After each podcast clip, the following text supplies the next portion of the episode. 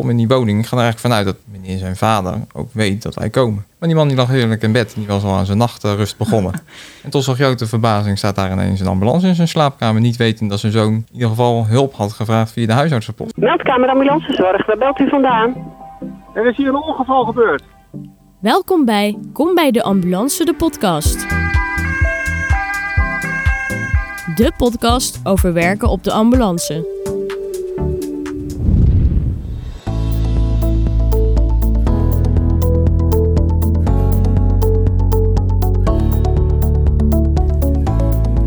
Jori Navest van Witte Kruis en vandaag zijn we weer met z'n vieren in deze podcast. Eh, naast mij zit eh, collega Fleur en tegenover mij zitten uh, ambulanceverpleegkundige Wilbert en Marina uit Zeeland. Welkom, leuk dat jullie er zijn. Dankjewel. Ja, dankjewel. Trap jij af, Fleur? ja, ik ben als eerste wel benieuwd, hoe lang werken jullie al bij Witte Kruis? Ehm, ik zit sinds 2010 op de ambu. Ik ben nu ruim drie jaar werkzaam voor het Witte Kruis op de ambulance. Ja. Mooie tijd al. En veel mooie verhalen. Ja, zeker wel. Ja, ben je er klaar voor om ze Ja. allemaal te vertellen? Dan zou ik zeggen, pak een eerste kaart. Hoe ben je zelf op de ambulance terechtgekomen? Ja, dat is... eh, eigenlijk heb ik daar langzaam naartoe gewerkt. Ik ben eerst de opleiding verpleegkundige eh, heb ik gedaan. Toen eh, heb ik eigenlijk doelbewust de opleiding op de hartbewaking eh, gevolgd. Daar heb ik een aantal jaren gewerkt. Specialisatie op de spoedeisende hulp eh, gedaan. Ook ongeveer vijf jaar werkzaam geweest op de spoedeisende hulp hier in Goes. En toen vond ik mezelf eh, wel eh, klaar voor de stap eh, richting de ambulance. En ja, dat is helemaal fantastisch. Daar heb ik geen moment spijt van gehad dat ik die keuze heb gemaakt. En wat is het, het grootste verschil tussen het werken in het ziekenhuis en het werken op de ambulance? Nou, in het werken in, in het ziekenhuis nog steeds eigenlijk binnen de vier muren van een, van een instelling. En ja, op de ambulance heb je veel meer vrijheid. Rij je op straat, kom je overal. En dat maakt het eh, een enorme leuke uitdaging. Maar het, het is ook, eh, je bent natuurlijk samen met, met een chauffeur. Dus je doet het echt met z'n tweeën. Terwijl in het ziekenhuis heb je wellicht meer backup of artsen die rondlopen. Het is ook wel misschien meer verantwoordelijkheid. Ja, op, op, eh, op een bepaalde manier denk ik wel.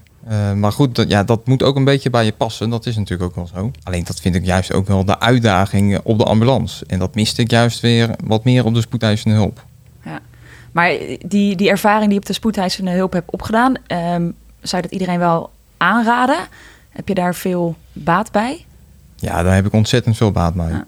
Zeker de spoedeisende hulp is toch wel eigenlijk de vooropleiding. Ja, waarvan ik zeg dat is echt eigenlijk eh, datgene wat je moet doen om, eh, om uiteindelijk te gaan werken op de ambulance. Omdat je, je, je ziet al zoveel eh, zaken voorbij komen, wat uiteindelijk maakt dat je op een ambulance daar dat je het herkent en dat je ook beter weet welke keuze je gaat maken om iemand eh, wel of niet mee te nemen naar het ziekenhuis. Ja. Ja.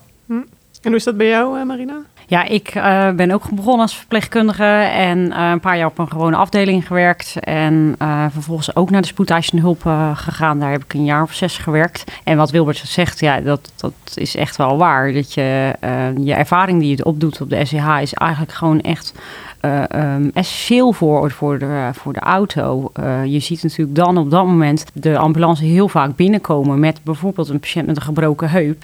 En op het moment dat je kiest om eh, naar de ambulance te gaan, dan ga je alleen een stap eerder in een zorgtraject die patiënt zien. En dan ligt hij bijvoorbeeld nog op de grond. Dus je gaat eigenlijk in het verlengde van de, van de zorg zitten. En ja, dat gaat vaak vloeiend in elkaar over. En ik weet dat ik op de, toen ik op de eh, eerste hulp werkte, dat ik eh, ehm, heel vaak twijfelde. Ik heb ook twee keer geschreven en toen gebeld. Ik eh, kom niet op gesprek, want ik durfde echt niet. Ik, zag hem echt, ik dacht, ik, ik, ik kan dat niet. Echt, die mensen van de ambulance, dat waren altijd in mijn ogen echt de stoere mannen en vrouwen. En eh, ik, ja, ik zag mijzelf dat gewoon niet doen. En dacht ik, oh, en heb je al die taalbarrières en hoe moet ik dat in vredesnaam oplossen? Want je bent inderdaad gewoon als verpleegkundige natuurlijk alleen. Je hebt wel een chauffeur naast je, maar er is geen verpleegkundige of arts met wie je kan sparren. En eh, vervolgens hadden de meeste collega's zoiets van, van de ambulance van, nou ja, joh, doe dat toch gewoon en probeer het. En dat is heel raar, want toen uiteindelijk heb ik de stap gemaakt. En er is nooit geen ene dag geweest dat ik echt getwijfeld heb. Dat ik dacht van, oh, ik kan dit echt niet. Het is echt heel, heel bijzonder eigenlijk. En dan denk ik, het lijkt wel of je geboren bent voor dit werk of zo. Dat je, het vloeit zo heel erg over in eh, hetgene wat je aan ervaring hebt opgedaan in het ziekenhuis. En ja, voor mij is het nog steeds het meest mooie vak. Zo divers en, en zo leuk. En je weet gewoon niet wat je dag gaat brengen. Wat goed zeg. En, en, en eh, was het wat je ervan verwachtte? Ja, Ja? Ja? zeker wel. En weet je, en nu zit ik eh, elf jaar op de auto en ik vind het nog steeds ontzettend leuk. Tuurlijk, door de jaren heen zijn er veel dingen veranderd. Maar ja, ik ga nog steeds iedere dag. Als ik vakantie heb gehad, dan denk ik echt van... oh ja, ik mag weer. Leuk, ik heb er echt zin ja. in. Ja, dat herken ik. Ja. En waar, kijk je dan het meeste naar uit? Wat heb je dan gemist tijdens je vakantie? Ja, Ja, het, het- toch wel het, het niet weten wat je eigenlijk die dag gaat doen. ja, echte actie wel een beetje. Kijk, als je thuis heb, je maak je in ieder geval, ik maak vaak een planning. Ik heb altijd wel een lijstje in mijn hoofd van ik wil dit doen, ik wil dat doen. Dat, dat, heb, je hier niet. En, en als je een plan hebt van eh, ik, moet nog wat eh, voor een leerling eh, op papier zetten of wat, ja, dat, wil helemaal niet zo zijn dat ik daar aan toe kom. En, en dat, dat maakt het fantastisch. Dat je gewoon eigenlijk niet weet waar je komt en wa- wat je gaat doen. En ja, dat, is, dat vind ik een geweldige uitdaging. En ik denk dat, dat jij dat ook wel. Nou, het grappige is dat wij allebei denk ik heel gestructureerd zijn. Heel eh, eh, graag dingetjes plannen en alles wel goed gewoon regelen. Maar je kan hier in dit werk natuurlijk niet, niet, niet regelen. Ja, wordt, mensen bellen 1 in 2 met een zorgvraag en je komt soms binnen. En dan aanrijdend maak je een bepaald plan van... Nou ja, eh, aan de aanleiding van de melding kan ik dit of dat, dat verwachten. En dan zet ik extra hulpvragen in. Of, en dat bespreek je vaak met je chauffeur. En het is verrassend genoeg kan het soms echt heel anders zijn. Waarbij je of eh, ineens harder moet gaan lopen. Of ineens heel, heel ander vlak moet gaan denken. En dat past natuurlijk eigenlijk niet zo. Waar je, terwijl je eigenlijk heel erg alles graag uit wil stippelen en wil regelen. En toch ja, voelt het ontzettend goed. Hebben jullie daar ook voorbeelden van? Dat je dus inderdaad door de meldkamer op pad wordt gestuurd en je komt op locatie aan en het blijkt iets heel anders te zijn dan doorgegeven was? Daar moet ik heel even over nadenken. En daar mag je even over nadenken. Ja, daar gaan we eens even over nadenken. Nee, d- d- dat kom je natuurlijk wel regelmatig tegen. Hè, je kan een melding hebben van iemand met kortademigheidsklachten, maar dat past dan toch weer meer bij eh, klachten van pijn op de borst, wat het uiteindelijk blijkt te zijn. Zo iemand maakt een hartinfarct door. Maar je komt ook wel eens op adressen dat er, geen patiënt is. Ineens schiet me te binnen dat ik een poosje terug had ik een, eh, melding was gemaakt bij, via de huisartsenpost door een zoon. Die belde voor zijn vader, die was gevallen op het achterhoofd. Die gebruikte bloedverdunners, dus dat was wel nog best wel goed bedacht van die zoon. En die wou dus even overleggen en de huisarts zegt, nou ik stuur een ambulance. Ik kom in die woning, ik ga er eigenlijk vanuit dat meneer zijn vader ook weet dat wij komen. Maar die man die lag heerlijk in bed die was al aan zijn nachtrust begonnen. en tot zijn grote verbazing staat daar ineens een ambulance in zijn slaapkamer. Niet wetend dat zijn zoon in ieder geval hulp had gevraagd via de huisartsenpost. Nee, Ja, dat zijn van die, van die leuke zaken, ja, dat, dat vind ik geweldig. En toen eh, heb je hem gewoon uit zijn bed gehaald en meegenomen? Of eh, heb je hem... Nou, ik, ik heb natuurlijk eerst uitgelegd eh, wat er eigenlijk maakte dat wij nu ineens in zijn slaapkamer aanwezig waren. Ja. Nou, dan kijk je die meneer natuurlijk na volgens de aangeleerde structuur, zoals we gewend zijn. En uiteindelijk kon die man gewoon keurig thuis blijven en eh, zijn nachtrust eh, vervolgen. maar goed, ja, dat, zijn- dat zijn van die eh, ja, simpele, grappige zaken Ja, waar je tegenaan loopt. En die zoon Ja. die, die was wel nergens meer te... Nee, die zoon, ja, die, ik, ja, ja, je kon je misschien je vader wel inlichten. Ja, nee, je lag te slapen. Dus van, die ga ik nog niet wakker maken daarvoor. Ja, grappig. Ja. Ja. Ja, ik, heb, ik ik weet bijvoorbeeld ook dat ik een keer ergens met de melding was ook met de taalbarrière. En eh, er was iemand onwel en ze zegt, ja, weet je, ik weet eigenlijk gewoon niet precies wat er aan de hand is. Ga maar kijken. Dus dan ga je kijken en dan, ja, weet je, dat is een beetje lastig. Wat ga je dan meenemen aan spullen? Want we hebben natuurlijk zoveel in die auto zitten. En eh, het ging om een jonge man, of tenminste, eh, hij was 35. En uiteindelijk bleek hij dus reanimatiebehoeftig te zijn. En dat was ergens op een flatje en dan ga je maar even kijken. En dan, dan, dan sta je ineens in die slaapkamer en denk, oh, het is even schakelen. We moeten ineens wel eh, eh, iets meer hier hulp bij hebben. En wij moeten ook gaan in de actie komen. En zo heb je ze soms echt wel. Van de meldingen dat je denkt, ziek persoon. En dat ze de, de voordeur open gaat en het blijkt de patiënt zelf te zijn. Dat, dat je dan denkt, oh, u bent de patiënt? Oké, dat is dan ook even schakelen. Want dan denk ik, oké, ja, dan heeft een huisarts bijvoorbeeld ons, eh, ons gestuurd. Maar ook natuurlijk de andere kant op. Of in het geval van je wordt ergens heen gestuurd met een, een melding... en je denkt aan een bepaald ziektebeeld. En uiteindelijk eh, blijkt dat heel anders te zijn. En dat is gewoon door, door je eh, manier van onderzoeken... dat je ergens achterkomt. En een stukje ervaring die je uiteindelijk opbouwt. Dat, is ook, dat is ook ontzettend leuk. hè? Ja, ja. Op zoek gaan naar wat iemand heeft. Ja. Ja. Dat is geweldig. Je begint helemaal te stralen. Ja, nee, kijk, daar, dat is natuurlijk waar ik, het, waar ik het natuurlijk ook voor doe. En Ja. dat vind ik interessant. Helpen graag mensen. Als iemand dan een zorgvraag heeft, dan is het, ja, vind ik de uitdaging elke keer weer om daar achter te komen wat dan wat de oorzaak is. Wat kunnen we daar dan aan doen? En heb je dan ook nog contact met het, met het ziekenhuis? Dat, dat jij iets, een diagnose soort van hebt gesteld... en dat je dan checkt bij het ziekenhuis of dat klopte? Dus dat je elkaar nog om feedback vraagt... dat je dus ook nou ja, eigenlijk daarvan leert? Je werkt natuurlijk vrij zelfstandig. En als je natuurlijk iemand meeneemt naar het ziekenhuis, dan heb je, nou, je stelt bepaalde noemen, differentiaaldiagnoses. Hè? Dus wat, wat, wat denk je iemand nou het meeste van? Kijk, en natuurlijk is het leuk om uiteindelijk te weten eh, wat er dan uit is gekomen. En dat vraag je wel na. Alleen de patiënt moet wel toestemming geven zeg maar, om die informatie achteraf, dat het ziekenhuis die informatie nog met je deelt. Want dat kan ik me voorstellen, dat is natuurlijk wel het nadeel van de ambulance... ten opzichte van het ziekenhuis. Jij levert een patiënt af en Ja. dan stopt het voor jou. Ja, en maar in het is- ziekenhuis, bij de SCA... dan krijg je nog veel meer mee wat, die, Ja. wat er met die patiënt gebeurt. Ja. Ja, ik merkte zeker in het begin, en dat heb ik nog wel eens, dat, ik- dat vond ik best wel lastig. Want ik- ja, ik wil heel graag weten wat iemand heeft.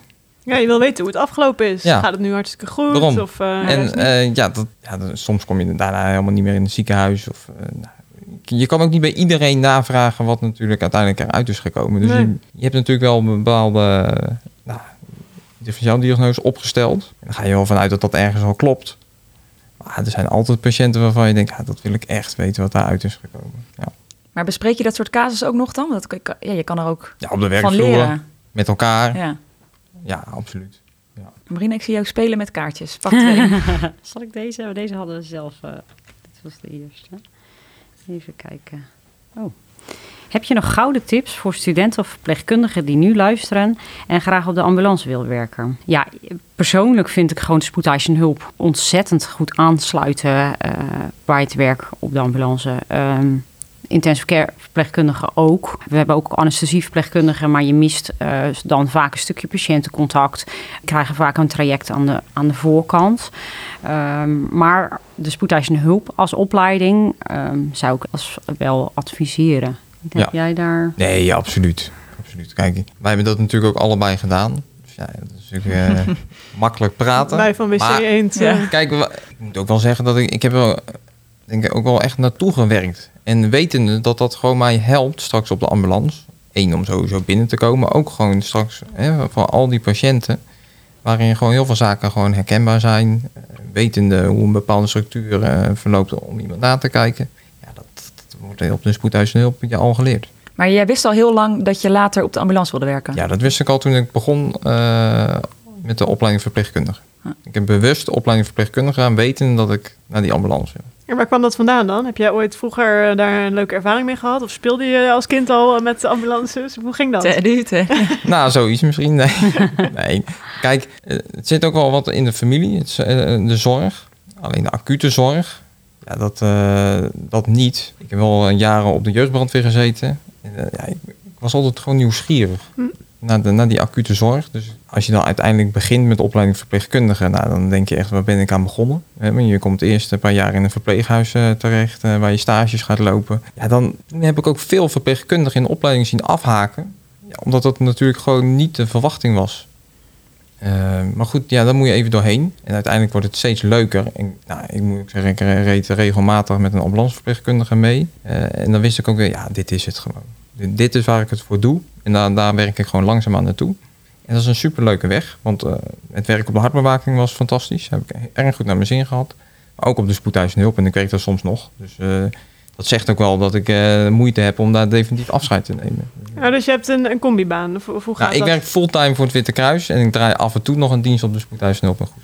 Ja, en dat is een ja, erg leuke Gouden combinatie. combi, Ja. ja. en het helpt. Het helpt eh, je op de ambulance, maar ook andersom. Hè, ook om elkaar wat eh, soms eh, beter te begrijpen. En, en hoe kijken ze in het ziekenhuis zeg maar, naar, naar mensen van de ambulance? Want jullie hebben natuurlijk heel vaak wel contact met een overdracht ook. Gaat dat altijd soepel?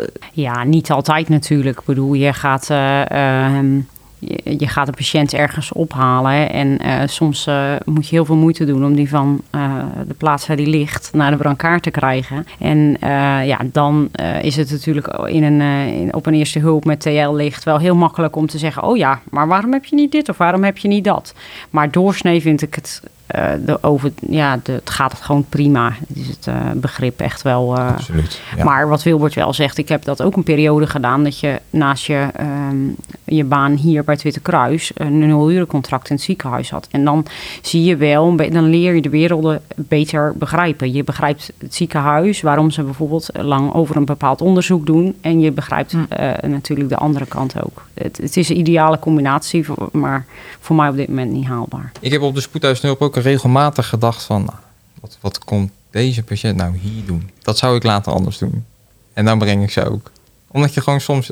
kun je niet anders. En ken je ook de protocollen waar de ambulance dienst mee werkt. En omdat je die nu kent... dan uh, weet je ook gewoon soms uh, hoe het werkt. En dat, dat, kun je dan uitleggen op een spoedhuisnulp ook. Kijk, dit is ons protocol, daar moeten we ons gewoon aan houden. En ja, dat, kunnen we, dat kan niet anders. En dat, dat, dan krijg je natuurlijk al begrip. Ja, dat werkt bij centralisten volgens mij ook zo. Dat, dat centralisten ook wel eens nou ja, jullie dan ergens naartoe sturen. En dat jullie denken, ja, waarom worden we hier naartoe nee, gestuurd? Maar goed, dat... Ja, zeker. Ja. ja.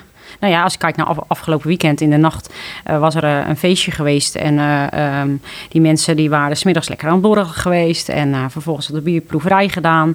Uh, en vervolgens uit eten uh, geweest. En als toetje bij het eten hadden ze spacecake gegeten. En van die gummibeers met uh, wiet erin opgegeten. Maar dat waren mensen van allerlei diverse leeftijden. En, en vervolgens werden wij erbij geroepen. Omdat ze eigenlijk allemaal door hun benen zakten en niet meer konden lopen. Dus dan sta je daar op een grote markt in Goes. En ja, ehm, dan zijn het uiteindelijk acht of tien patiënten. En dan hoor je op een eerste hulp. Ja, maar goed, wij hebben bepaalde protocollen. En dit is het protocol intoxicatie. En ja, uh, dan kan een eerste hulp wel zeggen van ja, waarom breng je die nu? Maar ik kan moeilijk tien patiënten op een rijtje op, een eerste, op, op de markt leggen en denken van nou, dan blijf ik daar een paar uur naast staan. Want ja, hopelijk knappen ze dan weer een beetje op.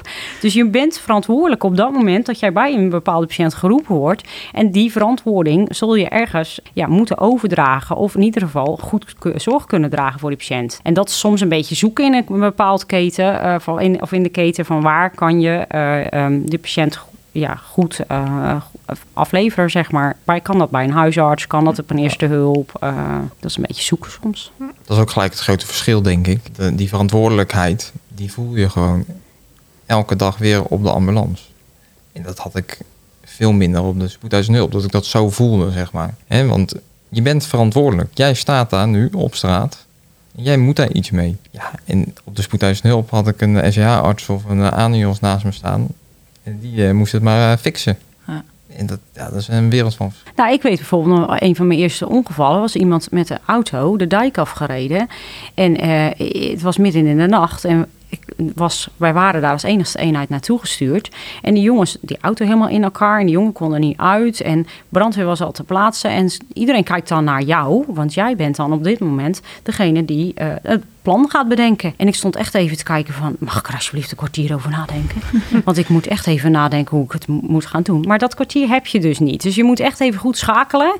En dat is natuurlijk ook een leerproces door de jaren heen. Het is niet zo dat je ja, vanaf dag één dat je klaar bent, of, of eigenlijk dat je begint, dat je het echt allemaal weet. Het is eigenlijk gewoon ja, dag in, dag uit, eigenlijk wel even een stukje reflecteren naar jezelf. Van, oh ja, weet je, sommige dingen had je anders aan kunnen pakken. En uh, ja, dat maakt het, vind ik ook gewoon echt leuk. Ja. Ja. Weet je waar ik nou ook heel benieuwd naar ben? We hebben natuurlijk net de, de zomer gehad. De zomer in Zeeland. Hoe, uh, dan hebben we natuurlijk veel toeristen hier. Hoe, hoe gaat dat? Ja, Zeeland zit met name denk ik uh, vol met, uh, met Duitse, Duitsers. Duitse mensen.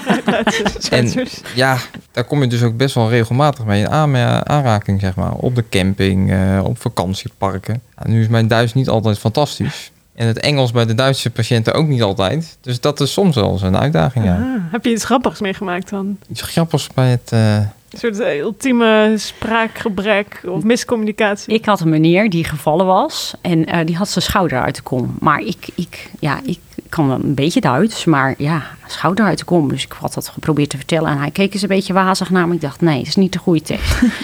en, uh, Wat is schouder in, in, uit te komen in het Duits? Uh, ausgegoogeld volgens mij. Dat ik het uit, maar ik zei, raus.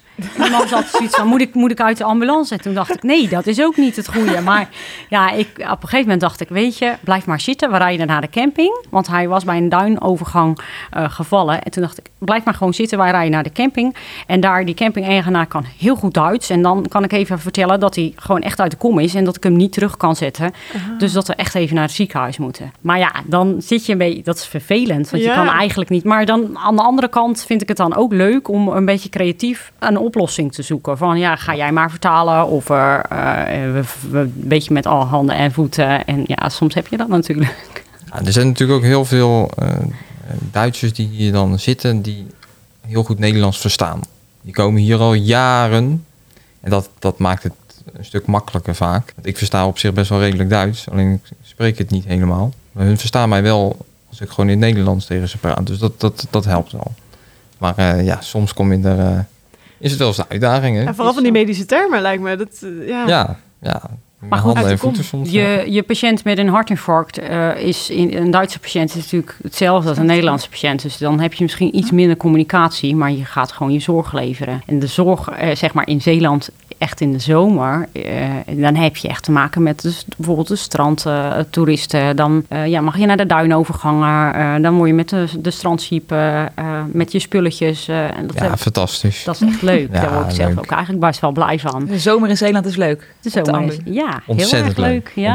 Maar dan rij je gewoon de strand op dus. Ja, met Ja, dan of worden... je, je, je spreekt een punt af hè, met een strandjeep van de KNRM eh, bijvoorbeeld. En, eh, nou, dan laat je al je spullen op op die strandjeep en dan rijden hun jou eh, naar de plek des onheils. Ja, en dan ben je soms wel 10 minuten onderweg. Door de duinen, over het strand. Ja, geweldig. Zit je in een bakje van die, eh, van die jeep of voorin? Of eh is ideaal. Maar en hoe doe je dat dan met omstanders? Helemaal als het een mooie dag is, dan heb je daar dus heel veel strandgasten. En dan zit je daar op het strand met allemaal mensen. Ja, daar rijdt je hij dan een beetje langs. Want ja, ja, je moet toch ergens naartoe. Maar hoe gaan jullie daarmee om dan? Met, met omstanders op zo'n moment? Die willen natuurlijk allemaal zien waarschijnlijk. Of heb je dat niet? Dat heb ik echt niet in de gaten. Nee. Ik heb Nee. dan op dat moment mijn patiënt en daar geef ik zorg voor. En al staat er een, ha een haag aan mensen, eh, dat, daar kan ik me echt heel goed voor afsluiten. Ja. En eh, ja, je gaat gewoon helpen. En mm, ja, ik heb echt geen idee dat er heel, soms heel veel mensen achter je staan. Dat, is soms gelijk de valkuil van de verpleegkundige. Die richt ons eh, altijd gelijk op de patiënt. En dat, dat merkte ik bijvoorbeeld toen ik net op de ambulance kwam. Ben je heel erg gefocust op die patiënt, die wil je helpen. Dan zie je niet altijd alles wat er omheen eh, aanwezig is. Hoe langer je denk ik eh, hier nu in het vak zit, hoe meer je ook gaat zien. Dat maakt het soms leuk. En soms eh, lastig. en- Of- nou, nee, het kan je juist helpen. Eh, noem maar wat iemand met een intoxicatie. Ja, als jij alleen naar die patiënt kijkt, misschien had je in dat huis wel allerlei zaken kunnen vinden die, eh, die jou helpen wat voor, om wat voor intoxicatie het bijvoorbeeld gaat. Ja, op die manier, ja. En daar heb je dus wel heel vaak je chauffeur voor. Ja. Die komt dan eh, met lege stripjes aan of met een paar flessen drank die leeg zijn. Of eh, de omgeving, zeg maar, waar iets gebeurd is. Die lezen ook veel beter een ongeval. Terwijl jij vaak toch, toch geneigd bent om bij dat ongeval je patiënt, naar je patiënt toe te gaan. Zijn hun veel meer gefocust op veiligheid en omgeving. En ja, daar ben je ook uiteindelijk gewoon een team voor. Absoluut. Nee, zonder elkaar eh, kun je niet. Je vult elkaar gewoon eh, aan en iedereen heeft zijn eigen verantwoordelijkheden, denk ik. Teamwork. Pak als eh, team nog een kaart. Wat had je zelf voor beeld van het werken op de ambulance toen je er nog niet werkte? En hoe is dat in de werkelijkheid? Ja, wat voor beeld? Ja, omdat ik natuurlijk al regelmatig eh, meeliep op de ambulance, had ik natuurlijk ook al op de duur al een redelijk beeld gekregen. En wist ik vooral dat ik dit heel graag. eh, Nou, dan kan bijna alleen maar tegenvallen, zou je denken. dat zou, ja, maar dat is, dat is niet zo, hè? Nee. Kijk, ik heb nog wel op de spoedeisende hulp is er over het algemeen vaak net wat meer reuring. Je hebt altijd wel eh, patiëntenaanbod op de ambulance. Soms kan het ook wel eens dat je, dat je uren niks doet. Ik weet nog wel dat ik daar in het begin moest ik daar wel eens aan wennen. Ja, want jij hebt nu gewoon dienst. Dus het zou nu Nee, ik heb nu gewoon dienst, dus elk moment kan mijn pieper gaan en Ja, ben ik hier weg. Extra spannend eigenlijk. Maar ik heb dus nu ook gewoon tijd Ja, om dit te doen. want hoe, wanneer was je laatste rit? Of ben je echt net begonnen? Nee, ik ben vanmorgen om 8 uur begonnen en ik werk eh, tot vanmiddag 5 uur. Ja, en mijn laatste rit, eh, nou, dat is denk ik nu anderhalf uur geleden. Oké. Dus het is, het is nu rustig. Maar hij voelt die spanning niet hoor. Maar stel, stel je wordt zo meteen opgepiept. Dan moet je dus in één keer omschakelen van een podcast opnemen. Ja, Maar dan, eh, Hoe, hoe gaat dat dan in jouw hoofd? nou, dat voer ik gewoon uit. Als mijn pieper gaat, dan leg ik mijn koptelefoon hier neer en zeg ik gedag en ben ik weg. En dan weet ik natuurlijk nog niet op dat moment wat ik ga doen. Maar dan eh, loop ik naar de ambulance en dan ga ik kijken welke informatie er ondertussen al, op een scherm terecht is gekomen. En dan eh, gaan we een plan maken. Ja, maar het lijkt me best wel lastig om zo snel te schakelen. Want je kan natuurlijk ook eh, ergens weet je, op een bank zitten en dan ben je heel relaxed een film aan het kijken. Weet ik niet. Ja, Of- nee, dat gebeurt natuurlijk ook. En dan moet je opeens moet je aanstaan. Ja, maar dan sta je aan. Dan sta je aan, absoluut. Maar dat heb je meteen vanaf het begin? Of is het ook iets wat je, waar je aan moet wennen of wat je moet trainen? Want op de SCA is het natuurlijk ook gewoon doorlopend. Patiënten? ik, in het begin hier op de ambulance, zeker toen ik net eh, gediplomeerd was, voel je die spanning wel- wel een beetje. En dat je denkt van oké, elk moment kan de pieper eh, afgaan en dan moet ik er staan. Maar dat went. En daar leer je ook wel mee leven. Ja, het, het schakelen, dat, dat gaat dan nu eh, gewoon vanzelf. En dat moet natuurlijk een beetje in je zitten. Dat vind ik ook leuk. Alleen, eh, nee, ik, ik zei hier nu niet met spanning van... oh jongens, wat moet ik zo gaan doen? Want dan denk ik dat ik iets anders moet gaan doen. Podcast opnemen is spannender dan dat je zo meteen Nou, dat, ja, nou, dat, kan vind, worden. dat vind ik wel een beetje, ja. ja. Ja, dit zou het doe ik niet elke dag, hoor. Dit. Ik zou het wel leuk vinden als, nu nog even, als je dan nog even opgepiept Ja. wordt. Ja, nou ja, Voor, weet. meer voor onze spanning. Ja, voor ons spanning, ja. Maar ja, vervolgens is die dan weg. En dan Ja, weet je, Ja, dat is ook alleen, wel dus voor jou. Dat is wel spanning. weer dan Ja. weten we niet wat hij gaat doen. En, en jullie hebben natuurlijk ook wel eens nachtdienst. Dan kan je natuurlijk ook even liggen, even rusten of slapen zelfs. En dan moet je ook in één keer. Nee, kijk, we hebben avondslaapdiensten. Hè, in, eh, op sommige posten, Poortvliet, Kruidingen bijvoorbeeld. Nee, daar lig je heerlijk eh, te slapen. En dan in één keer gaat de pieper en dan, eh, ja, dan sta je aan. Dat moet je echt kunnen, denk ik. Ja, of je bent eraan, hè? Je bent er ook. Je, je went er wel aan. Ze zijn wel bezig met die, met die avondslaap om te kijken of daar niet gewoon een normale nachtdienst voor gedaan wordt. eh, in, in plaats van. Ehm, aan de andere kant, bijna alle collega's die op de eh, auto komen vanuit de zorgwereld zijn gewend aan die onregelmatige diensten. Die zijn gewend aan nachtdiensten. Ze zijn niet gewend aan het feit dat je heel eventjes waarschijnlijk mag gewoon gaan liggen eh, als er even niks te doen is in de nacht. Maar je moet op dat moment, als je piepen gaat, natuurlijk wel zorgen dat je gewoon opstaat en direct naar die auto loopt. Hm. Dus daar mag geen vertraging in zitten. Nee, maar dat, dat gebeurt ook niet. Nee. Kijk, hè, als die pieper gaat, en daar lig je ook toch wel een beetje op. Zeker bij die avondslaap, dat merk ik altijd wel. Ik slaap echt niet zoals thuis. Dus dan merk je tot dat je een beetje op de pieper ligt. Hm. Maar zelfs als mijn portofoon, die geeft altijd vaak eerst een piep. En dan pas gaat de piepen. Nou, ik ben meestal sta ik al naast mijn bed als de piep van de porto is geweest. En dan pas Ja. gaat de piepen nog. Dus je- nee, je slaapt niet diep. Zullen we nog een, eh, nog een vraag pakken? Wat is je meest bijzondere ervaring? Ja, ik heb ja, zoveel ritten inmiddels gehad die, die bijzonder zijn. En ja, we hebben misschien al eerder besproken ook van dat je gewoon... eh, ehm, als je, op de, je weet eh, in de samenleving wat er allemaal is. Alleen je komt gewoon nu op plaatsen waar je misschien wel wist dat het bestond en dat het er al was, maar waar je, eh, ja, wat wel een beetje eh, grijs gebied is, zeg maar. Zeggen van En- je bedshow. Ja, en, en, en op dat moment heeft, maakt het natuurlijk niet uit. Ieder, ieder mens kan een hulpvraag hebben. En dat kan in alle lagen van de bevolking zijn. En daarmee kom je dus op plaatsen uh, uh, wat gewoon echt wel bijzonder kan zijn. Hè? De psychiatrische patiënten. Uh, een keer iemand gehad die alles ingepakt had in bubbeltjesfolie. Wc-papier In huis? In huis wc-papier, stoelen, alle spullen. Wc-papier, En alles. Nee, maar echt werkelijk tot in de details. In de, op de plankjes van eh, alles was ingepakt met bubbeltjesfolie. En ze zat in een klein hoekje. Dat is natuurlijk triest. Ja. Maar ik heb echt even rond staan kijken. Dacht ik, waar, waarom heb je dat allemaal ingepakt? Op dat moment kreeg ik daar ook gewoon geen goed antwoord natuurlijk op. En ja, weet je, dat soort bijzondere uh, um, ritten, daar mag je, daar gaat de deur voor open. Um, ook schrijnende gevallen, uh, reanimatie van een jonge, jonge man, een vader, waar twee uh, kinderen bij in huis zijn.